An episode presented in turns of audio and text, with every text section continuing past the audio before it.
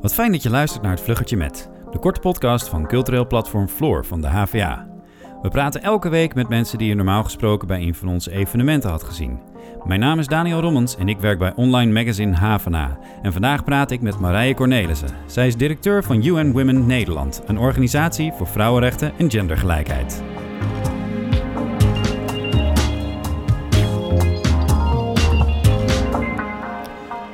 Marije, hoe gaat het met je? Ja, wel goed. Eigenlijk uh, omstandigheden. Uh, ik stel die vraag steeds als eerste aan onze gasten. En, en tot nu toe zegt iedereen dat het goed gaat. Uh, en dat is heel fijn natuurlijk. Maar de vraag is of iedereen die vraag ook wel zo eerlijk beantwoordt. En dan heb ik het niet per se over jou of mijn andere gesprekspartners. Maar wel over bijvoorbeeld slachtoffers van huiselijk geweld. want Marije, ik weet dat jij veel aandacht besteedt aan huiselijk geweld tegen vrouwen vanuit jouw functie. Um, en sinds de lockdown heeft die groep het misschien wel zwaarder dan ooit, begrijp ik uit het nieuws. Ja, dat klopt. En inderdaad, als je uh, een van deze vrouwen aan de lijn krijgt, dan zegt ze wellicht ook uh, het gaat prima. Ja. Want het grootste probleem natuurlijk tijdens quarantaine is dat deze vrouwen met uh, degene die, uh, die geweld tegen hen gebruikt opgesloten zitten. Ja. Um, in sommige landen leidt dat tot een enorme toename aan het, in het aantal meldingen. maar er zijn ook landen zoals Italië waar ze zich juist heel veel zorgen maken over het afnemen van het aantal meldingen, omdat vrouwen gewoon niet meer durven te melden. Ja, want ze zijn bang dat uh, de, de geweldpleger erachter komt dat ze dat hebben gemeld en dat het dan erger wordt. Ja, precies. Zolang die naast jou zit op de bank, dan ja. uh, kun je niet melden. Ja, precies. En uh, nou ja, daarom zijn er ook een aantal initiatieven ontstaan. Bijvoorbeeld, uh, dat is nu net in Nederland ook geïntroduceerd, dat je bij een apotheek kunt vragen om masker 19. Ja. En dan weet het personeel direct dat jij hulp nodig hebt als vrouw. Dus ja, er moeten wat andere manieren bedacht worden om te zorgen dat die meldingen nog binnen kunnen komen ja. en dat vrouwen nog geholpen kunnen worden. Maar waar ik nou eigenlijk heel benieuwd naar was, en dat kon ik niet zo goed uh, begrijpen ook uit de berichtgeving hierover. Wat gebeurt er daarna dan? Want op een gegeven moment uh, dan moet daar hulp komen en uh, dan die, die partner komt er toch sowieso ergens een keer achter.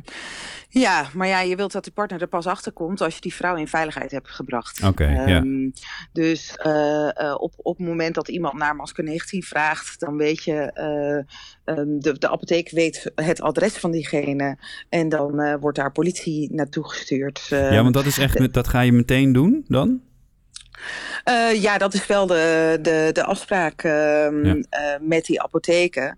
Eh, er zijn natuurlijk vrouwen die, die niet in een, in zo'n zo, een zodanige acute situatie zitten, maar wel in de problemen. Mm -hmm. nou ja, dat is eigenlijk een lastiger, omdat je ja, heel moeilijk meer hen counseling kunt bieden. En dat kan ja. allemaal niet meer face-to-face. -face. Dus wat UN Women ook doet, is wereldwijd, want dit speelt eigenlijk in in elk land ter wereld ja. uh, zorgen dat uh, hulporganisaties naar online kunnen.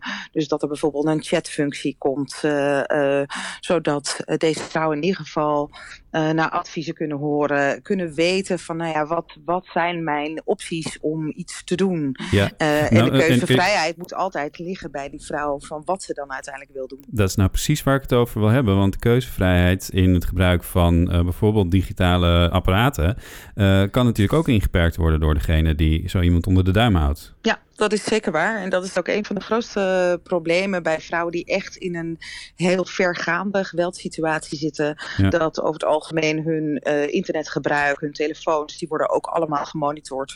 Omdat het heel vaak uh, ook nog te maken heeft met controle ja. over het leven van een vrouw. Dus uh, ja, dat is zeker de meest problematische groep. Ik denk dat iedereen die nu al weken thuis werkt of, of studeert, op een bepaald moment wel gierend gek is geworden van huisgenoten. En misschien zelfs wel een slaande ruzie heeft gemaakt. Maar wanneer is nou dat omslagpunt hè, van, van, nou ja, je, je hoort wel eens zo'n duw of een tik in een soort reflex. Zit je dan meteen al over de grens of is daar een grijs gebied wat jou betreft? Nou ja, het gaat natuurlijk, het, het gaat niet zozeer om uh, de handeling als wel uh, hoe dat door het slachtoffer wordt ervaren. Mm -hmm. Dus het heeft heel erg te maken met, is dit een machtsrelatie? Um, het hoeft ook trouwens niet eens fysiek te zijn. Het kan ook psychisch zijn. Ja.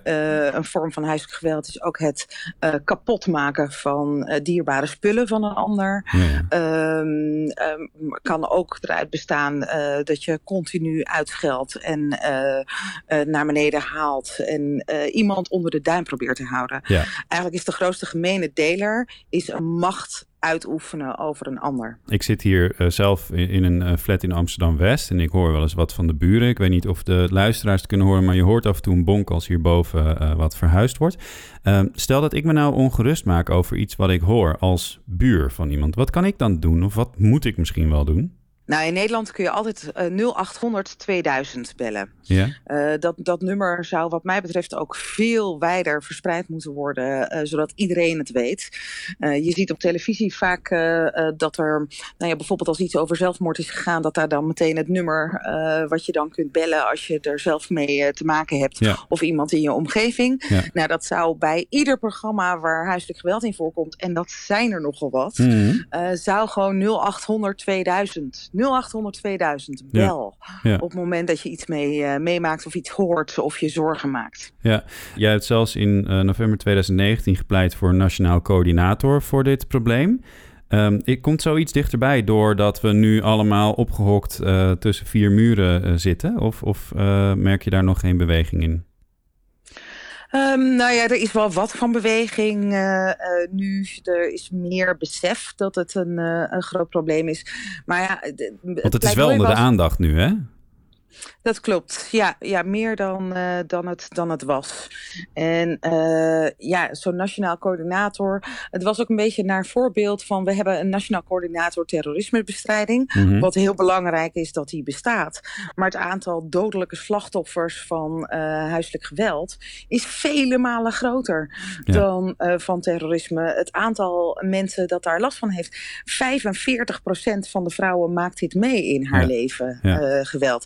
En, en nee, het is bizar als je dan ziet hoe weinig er relatief geïnvesteerd wordt in het bestrijden, maar vooral ook in het voorkomen daarvan. Ja. Waar blijven de programma's met mannen en jongens om te zorgen dat, nou ja, ze, ze zijn allemaal geboren als een jongetje die vrij in het leven staat. Waar word je dan uh, een potentiële dader? Ja. En hoe kunnen we zorgen dat mannen daar die kan niet opgaan? Dus je, je pleit eigenlijk voor, voor programma's al misschien op de basisschool uh, om, te zorgen dat jongetjes niet, niet uh, gewelddadig worden potentieel. Ja, absoluut. Ja, ik denk dat dat super belangrijk is. Want tot nog toe bleef natuurlijk altijd de, het voorkomen ook van straatintimidatie bijvoorbeeld heel erg bij vrouwen Mhm. hangen. Dat, je, dat er dan weerbaarheidstrainingen voor vrouwen en verkrachtingsfluitjes en al dat soort dingen, waardoor het probleem en de oplossing allemaal naar vrouwen toegeschoven werd. Terwijl de Ja. daders eh, daarbij eigenlijk buiten schot blijven. Dus ehm, ik maak me er zelf ook schuldig aan. Zeg dan van ja, 45% van de vrouwen maakt geweld mee. Maar ja, Mhm. eh, het is, eh, um, nou ja, ik weet, weet niet of het dan 45% is van de mannen. Maar eh, het, nou ja, dat is eigenlijk al belachelijk dat we dat niet weten. Dat je niet dus- zegt inderdaad van zoveel procent van de Van de mannen, maakt pleegt geweld. schuldig aan geweld tegen vrouwen. En Ja, die, die ja. switch moet er veel meer komen. Waardoor wij ook samen kunnen werken met de mannen die juist niet gewelddadig wensen te zijn. En graag in Ja. een samenleving willen wonen. Waar mannen en vrouwen vrijelijk met elkaar om kunnen gaan. Zonder dat, eh, dat die angst daar continu tussen zit. En dat we, dat we daarmee eh, gaan werken aan, ehm, eh, aan het nou ja, deradicaliseren van, van, van jongetjes. Zodat ze die kan niet opgaan. Kijk, oké, laten we mannen deradicaliseren. Dat vind ik een, dat vind ik een goeie. Zeg, ik, ik, heel kort nog even gewoon over jou en over deze situatie. Wat, wat mis je nou eigenlijk het meest de afgelopen weken? Ehm, eh, op terrasjes zitten. Oké, ja, En face-to-face kletsen met vriendinnen en vrienden. ja. Want ik wou zeggen, je hebt in het Europarlement gezeten. Jij moet gewend zijn om eh, eh, via videoverbindingen te vergaderen met eh, partijleden bijvoorbeeld. Ja, nou ging het meeste daar ook wel eh, face-to-face. en hadden we dan de, de uh, achterbanweken waarin we uh, naar eigen land onze achterban gingen spreken. Ja. Maar ehm, ja, ik ben dat wel gewend. En eigenlijk vind ik het ook wel heel leuk hoor. Ik, ik ben dol op de hele dag thuis zijn. Okay. Dus, wat dat betreft ben ik wel gemaakt voor quarantaine. Ik ja. zou okay. altijd wel willen telewerken. Ja. Maar dus als ik je vraag wat mis je totaal niet, dan zou dat bijvoorbeeld de, nou ja, de, de talies zijn waar je destijds dan waarschijnlijk heel vaak in zat of zoiets. Ja, precies. Ja, gewoon eh, de hele tijd onderweg moeten naar allerlei dingen. En zoveel tijd kwijt zijn met, uh, met reizen in plaats van met nuttige dingen doen. Ja, deze week uh, kondigt het kabinet een voorzichtige versoepeling van de lockdown aan. Ren jij nou springend weer naar buiten? Wat, wat ga je nu doen wat je steeds niet hebt gedaan? Ja, met mijn kinderen. Uh, ik heb twee kinderen, geweldige zoons van 11 uh, en 8. Die niet radicaal en, zijn? Uh, nee, nee. ik uh, probeer ze, hen zo op te voeden dat dat nooit gaat gebeuren. Heel goed, heel goed. Maar ja, dat zijn enorme jumpy uh, jongetjes. En die moeten gewoon naar dingen toe. Ja. En naar buiten en sporten en dat soort dingen. Dus nee, dat gaat uitgebreid weer gebeuren als Heerlijk. het aan mij ligt. Dankjewel voor dit korte gesprek, Marije. Heel graag gedaan. En jij bedankt voor het luisteren. Vind jij dit een leuke podcast? Geef ons dan een goede beoordeling in jouw podcast-app.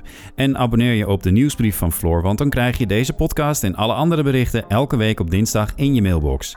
En wil je helemaal niets missen? Volg cultureel platform Floor dan op Instagram via @floor_hva.